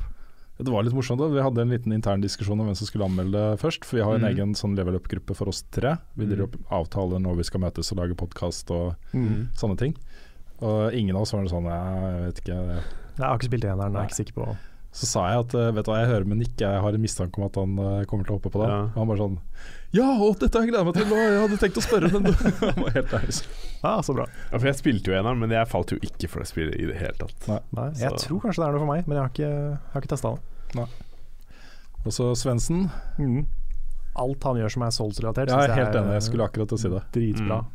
Fra den første søknaden han sendte, Mm. til liksom det han lagde på Dark Souls 3, Bloodborne. Mm. Han er, eh, er så herlig det forholdet hans til de spilla. Ja. Han har inspirert meg til å plukke de opp til å begynne med. Mm. Så nei, Svendsen og Souls er en bra, bra kombo. Veldig bra kombo. Yes. Jipp, jipp. Yeah. tar et eh, kjapt eh, spørsmål her fra Anders Hole, som vi har vært så vidt innom tidligere i podkasten også. Um, vært mye kritikk av Nintendos grafikkapasitet og nyheten om at Zeldo Zeldo? Zeldo. Den fantastiske Zeldo. Uh, kan maks kjøres i 900P da på Switch, stilner ikke stormen. Er dette egentlig noe å hisse seg opp for, eller er det en unødvendig storm i et vannglass? Personlig mener jeg at Selda absolutt ikke trenger noe mer, og at uh, slik type specs er uvesentlig i denne sjangeren og grafiske stilen. Jeg er ganske enig. Det eneste jeg skulle ønske var at det var i 60 frames. For det synes jeg Windwaker Jeg mener Windwaker var i 60 frames. Jeg husker ikke. Windwaker HD. Mm. Og det syns jeg det tjente på. Det, var liksom, det føltes veldig sånn glatt og, og smooth. Mm. Så akkurat det er en ting jeg hadde savna. Men grafisk syns jeg Nintendo-spill er mer enn pene nok fra før. Mm. Jeg syns ikke Altså Det er jo selvfølgelig en fordel hvis, eh, hvis du får Skyrim Definitive Edition til å funke på en Switch, liksom. Men Splatoon og Mario og Metroid og alt det der er liksom Det har sett bra nok ut ganske lenge. Mm. Jeg har ikke noe behov for å se det i enda, enda høyere oppløsning, på en måte. Nei, Jeg kjenner at jeg hadde vært glad hvis eh, Zelda kom i 1080p 60 bilder i sekundet. Mm. Det hadde, hadde jeg blitt uh, glad for. Men eh, jeg blir ikke lei meg for at jeg ikke gjør det. Jeg vet at, uh, det, det, at det er litt uvesentlig i, det, i den store sammenheng. Mm. Mm. Akkurat som eh, Anders påpeker. Yes. Mm. Ja, har vi noen flere spørsmål? Ja, jeg fant et spørsmål her. Um, det var et litt langt spørsmål som var til, uh, til meg, men jeg skal prøve å korte det litt ned. Fordi han lurte på hva som er det beste Black Ops-spillet, og det er Henrik Larsen for øvrig som lurer på det. For han syns uh, BO1 uten tvil har den beste timelinen, timelinen men god damn, BO2 ser så digg ut med alt av farger og våpen. Vet at det egentlig ikke har noe bety, men når hvert mm, pip kodespill var grått og kjedelig, var det bare utrolig deilig at BO2 kom. Uh, og det var lov, jeg fikk lov å si BO3 også, men uh, for meg så er det um, Det er liten tvil om at det er Black Ops 1. Har dere spilt singleplayeren til den? Mm. Noen, du har gjort det? Ja. Nei.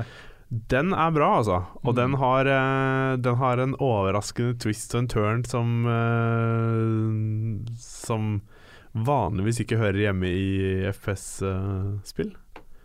den er bra, altså. Mm. Så, så Black Ops 1 digga jeg både singleplayeren og multiplayeren.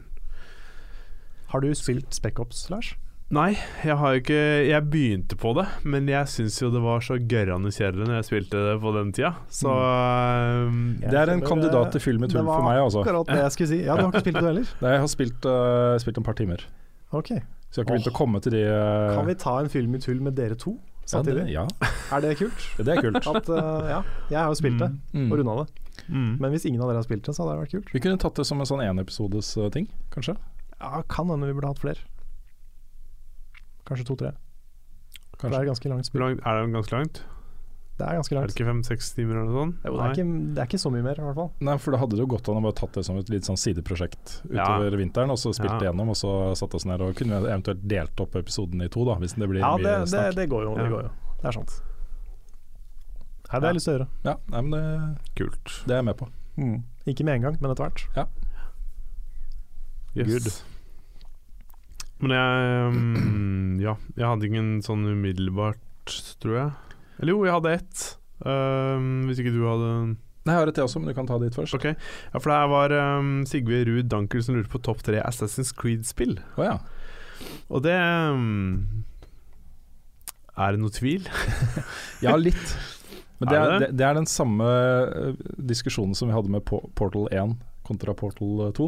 Ja. Jeg er nok mest glad i Assassin's Creed 1 rett og slett fordi det var det første spillet. ja. Uh, det er ikke det teknisk beste spillet i den serien, uh, eller det beste spillet, men det er det jeg liker best. ja. Så jeg holder det høyere fordi det var det første møtet. Jeg har liksom så sterke minner fra, Mm. uh, fra den opplevelsen. Mm. Så, Jeg er helt enig at den kan være med på Jeg også hadde veldig sterke følelser og minner fra det, fra det spillet. Men for meg så er det, det er Brotherhood mm, som er det beste. Og det er vel den toeren av toeren, Ja. på en måte. Mm. Så um, Det er så bra, og den storyen med Etzio og det som skjer Mm. i virkelige verden og sånn der, er fantastisk. Ja, jeg tror jeg har samme rekkefølgen der. Jeg, Ja. at det er eh, Altså Egentlig så er det jo liksom Brotherhood, AC2 Mm. og hva het den tredje? Revelations. Eh, Revelations. Ja, ja. Sånn egentlig. Mm. Men uh, Ja. for meg så er det AC1, Brotherhood, AC2. Ja. Ok, ja, For meg så er det AC2 på toppen, Mm. og så Brotherhood og så Revelations. Okay. Ja. Ja, for jeg, jeg syns ikke nødvendigvis Revelations var, uh, var Det var bra, men det var uh, ikke nødvendigvis Det var i hvert fall det som er Ja lavest rangert av de, da. Mm. Men det første spillet var, det var veldig spesielt. Selv om det var kanskje mye mangler, på en måte. Det jeg syns uh, toeren og Brotherhood og sånn gjorde, var at de, de klarte å utvikle og bygge på uh, de nye abilityene til, eh, til Etzio, Mm. og ga deg Følte at du fikk noe nytt og noe mer i hvert spill. da Ja, så ble det mer avslørt den backstoryen med den eldgamle sivilisasjonen og Ja. hva det var som egentlig foregikk. Ja. Um, men uh, også litt tilbake til eh, diskusjonen vi hadde om achievements og sånne ting. Uh, AC1 er et av de få spillene som jeg har 100 av Ja, på Xbox. Den har jeg 1000, 1000 gamerscore på. ja. Fant alle fjerdene. de var vanskelig å finne. Ja, det ja, I hvert fall hvis du fant de sjøl. Jeg tror jeg måtte få hjelp på et par av de siste. Okay. For da er det liksom alle de store verdenene, og så er det to fjerde du mangler. ja Hvor i helvete begynner man å lete? Ja, liksom? det Fordi jeg um, Jeg brukte sånn på uh, Jeg tror det var Brotherhood for å finne fjær og ting og tang rundt omkring. Så fulgte Mm. jeg sånn her eh, guide til slutt sjøl. Men det Ja. Yes. Skal vi ta et siste spørsmål? Ja. Ok. Um, dette er kanskje ikke et bra siste spørsmål, men det er et eh, spørsmål. Eh, det er fra Ole Magnus Johansen på Patron. Hvilken James Bond-film liker dere best, og hvem av dere er mest egnet som Double O-agent? Oi. Jeg vil få svare på det siste først, da. Lars. Ja. Han er i best form Ja, av oss. det er sant. Jeg tror det må bli Lars. Ja, det må det, altså. Oh my god. Litt sånn her uh, Nå skal vi ta et bilde til uh, forsida av denne, Ja, ja. denne podkasten her med ja. For det er ikke noe tvil om at det å være en double O-agent er en ganske fysisk krevende jobb. Det er jo det. Både fordi du må gjøre mye stunts, Ja. og fordi du må ha veldig mye sex. Ja, masse. Mm. Det er ganske slitsomt. Ja. Ja, uff. Um, Men eh, nei, jeg har jo veldig sånn nostalgiforhold til Golden Eye. Ja, jeg har det sjøl, altså. Men jeg tror kanskje jeg syns Skyfall er en bedre film. Mm, ja, jeg vil nok si at jeg, jeg liker nok Spekter bedre. Hvis du skal ta Gjør du det? Den nye? Nei, den som het um, Ikke Spekter, den uh, Casino tenker Royale. Casino Royale. Casino Royale. Ja, Å, ja, ja, ja. Det er jeg helt enig. Det er den jeg syns er desidert den beste. Bond-filmen. Mm. Men jeg digga uh, Timothy Dalton. Dalton Mm. som, uh, som James Bond. Mm. Og spesielt i den um, hvor a-ha har Living. Daylights. Ja, Mm. Ja, den er kjempebra. den er veldig bra, altså. Og så husker jeg ble så utrolig forelska i Talisa Soto, som spilte den mørkhårede Bond-jenta i den filmen. Ja. Hun husker jeg ikke. Hun var veldig pen. Ja. Veldig pen. Jeg hadde litt sånn crush på Er det Denise Richards hun het? Ja, stemmer det. Eh, Hva var det for en? The War is Not Å herregud, det var en forferdelig film. Ja, det var dritdårlig film. Jeg syns hun var veldig pen. Men var ikke det sånn litt kontrovers rundt det, fordi vanligvis så skal det jo være um, Eller var det Halle Berry kanskje som var, var det? Fordi det skal- Bonnie-jenta skal jo være, vanligvis være en uoppdaget Mm. skuespillerinne. Og så var det jo Halle Berry var jo kjent fra før, og Denise Richards var vel også det. Ja, hun var det. også det. Um, Mm. Så um, ja. Men når det gjelder beste, beste Bond, uh, er ingen tvil om at det var Sean Connery. Men det er også de kjedeligste Bond-filmene, syns jeg. Ja, de har ikke holdt seg så Nei, de har ikke det, altså. Jeg vokste liksom opp med Pierce Ja. Brosnan, så jeg har et veldig forhold til han. Ja. Men eh, Jeg vokste opp med Roger Moore, mm. og jeg syns jo Jeg elska jo Roger Moore som James Bond da jeg var liten. Mm. Så, men uh, det har, det, akkurat det forholdet har ikke helt holdt seg. da. Nei, de filmene Ah. er jo komedier, Ja, de er det. Mm. ja. Men du, ta så se den med han derre George Lazenby. Ja, Den har jeg faktisk ikke sett. Eh, For det er jo han Han, er jo, han var jo en modell Mm. som uh, ikke var noe god i acting eller noen ting. Og skrøt vel på seg ting for å få den rollen der og sånn. Ok. Uh, det ble én film, da. Ja.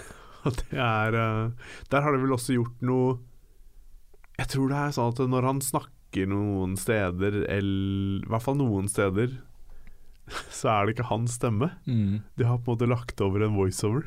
Mm. Um, ja. Nei, det, det Den er ikke bra. Det er i hvert fall den er, Det er verre enn den derre 'Tomorrow Never Dies'-filmen, Mm. faktisk. Nei, jeg syns uh, Jeg syns uh, han som er nå Hva heter han igjen? Eh, Daniel Craig? Daniel liksom? Craig. Ja. Han passer veldig godt som James Bond. Jeg liker han veldig godt i rollen som James Ja. Bond. Uh, og det er også fordi han er nærmest Sean Connery, og Sean Connery er nærmest sånn som eh, James Bond er i bøkene til Ian Fleming. Mm. ja. Ja, det er en ting som filmene ikke har gjort så mye av. Det at Han er jo egentlig litt sånn antihelt. Uh, Han er jo ikke en bra fyr, liksom. Han er for så vidt ikke det i filmene heller, men han, er, han har det litt mer, men det litt mer ting på greip. Mer den darke sida av han, på en måte. Ja, men den, eh, det viser mest av alt den eh, Også bøkene viser mest av alt eh, den mørke siden av Ian Fleming. Jeg har lest eh, 'Casino Real, som er den første Bond-boka, og som filmen også er basert på. Mm. Det er jo så kvinnefiendtlig og stygt, mye av de tingene som står der. Det er det. Ja, ekstremt. Og den ene tanken som slo meg da jeg leste den boka, var at han her har et usunt forhold til kvinner. I det hele tatt. Måten han liksom beskrev da kvinner som hadde sveket James Bond. Det var nesten på grensen til sånn sharia-ting, liksom. Mm. Så um, ja. Men Eh, der er det mye i de gamle filmene også som ikke har holdt seg. ass. ja. Sånn som, jeg, husker, jeg husker ikke hvilken film det er, mulig det er Thunderball eller noe sånt. Hvor eh, Bond-dama blir liksom forgifta i søvne. Og så våkner James Bond opp, og så er hun død, og så bare ringer han og sier ja, nei, du er død, da. ja. Og det er det. ja, fullstendig sånn. Ja. Ja, det er ganske bad, altså. Ja, det er jo en sånn klassisk scene fra en av de Sean Connery-filmene også, hvor han, eh, eh, han sitter og prater da, med en eller annen fyr. Uh, og så kommer jo da eh, hun dama som han holder på med akkurat der og da, bort. Og så bare med noen drinker til dem. Så klapser han på, hun kommer i bikini, klapser hun på rumpa og bare 'move along, touch, man Ja. talk'. ja. Oi. Ja, Ja, eh, det er ikke helt, uh, ikke helt innafor. Men jeg liker Bond. Jeg er ikke sånn at jeg går og gleder meg og teller ned til dagene til nye Bond-filmer og sånt, men jeg har sånn jeg har lyst til å se på kino. Jeg liker, mm. liker greia. Mm. Så jeg er spent på nye Bond. Det går rykter om at det kan bli eh, Idris eh, Elba. Ja, jeg har hørt det. Det hadde vært litt kult. Det er alltid masse rykter, da. Ja, da. Hver gang, liksom. Mm. Kanskje vi får vår første kvinnelige James Bond. Det hadde vært dødskult. Mm. Det er akkurat samme med Doctor Who. Ja. Det er sånn, Blir det en female doctor Mm. denne gangen? Ja. Blir det en ikke-hvit mann som er the doctor? Mm. Det har ikke skjedd ennå. Nei. Maybe someday. Maybe someday. Ja, fordi det var en sånn greie for en stund tilbake hvor uh, hun um, X-Files um, Ja, stemmer det. Hun, ja, Gillian Anderson. Ja, At hun skulle være den nye 007. Ja. Okay. og det bildet som var mokka opp på en måte som hun hadde på eh, Twitteren sin Mm. Fader, det var kult, altså. Og da så jeg for meg at hun var en sånn James, eller Jane Bond, hvor hun liksom hvor hun, hvor hun da var en kvinnebedårer, hun også. At hun fortsatt liksom ah, ja. var på en ja. måte den at, at, hun var, at hun var lesbisk, da. Eller at, Mm. eller at ikke det nødvendigvis var fokus men at hun var liksom bare Det var at hun ikke var kanskje like ille som James Bond var mot kvinner, men på en måte at hun var litt den Mm. Ja, Ja. var litt player. ja eh, altså det, det kunne vært kult, da. Jeg veit ikke. Det har, jeg syns det hadde vært kult hvis de hadde gjort det. Ja. Altså, spesielt med Gillian Anderson. Ja. Hun er jo så badass til å begynne med, Mm. Ah, fy fader. og hun blir bare kulere, syns jeg. Ja, jeg syns også det. De tingene vi har gjort i nyere tid, har jo vært eh, råbra. I Hannibal og The Fall, som Mm. eh, tredje sesong av The Fall var gørrende kjedelig. Jeg har ikke orka å se den ferdig engang, men de to første sesongene av den er fantastisk. Jeg kjenner jeg hadde unngått kommentarfelt på internett hvis jeg hadde gått for det, men det hadde vært kult å se det, ass. Ja. Det mener jeg seriøst. Ja. Agreed. Yes, skal vi runde av? Ja. Det, det kan vi gjøre. Eh, Da gjenstår det bare å takke dere alle sammen for at dere har hørt på denne podcasten. Vi er, vi er som vanlig tilbake neste uke. Og så kommer det streams, og så kommer det innslag, og det kommer Det er ikke måte på. Nei. Masse å følge med på. På YouTube og diverse. Så eh, takk for oss, og takk til alle som er med og backer oss på Patreon Det setter vi utrolig stor pris på, som alltid. Det er derfor vi sitter her, rett og slett. Det er derfor vi har muligheten til å gjøre det. Og så avslutter vi med ukas spillsitat. Tonight, German joins the hunt.